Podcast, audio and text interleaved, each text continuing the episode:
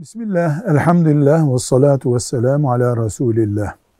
Euzu billahi mineşşeytanirracim. Şu demektir. Kovulmuş şeytandan Allah'a sığınırım.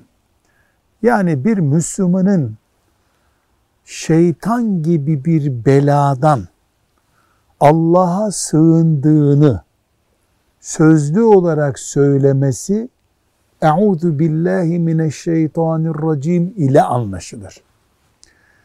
Bu aynı zamanda o Müslümanın şu kainattaki düzeni anladığının işaretlerinden biridir bu.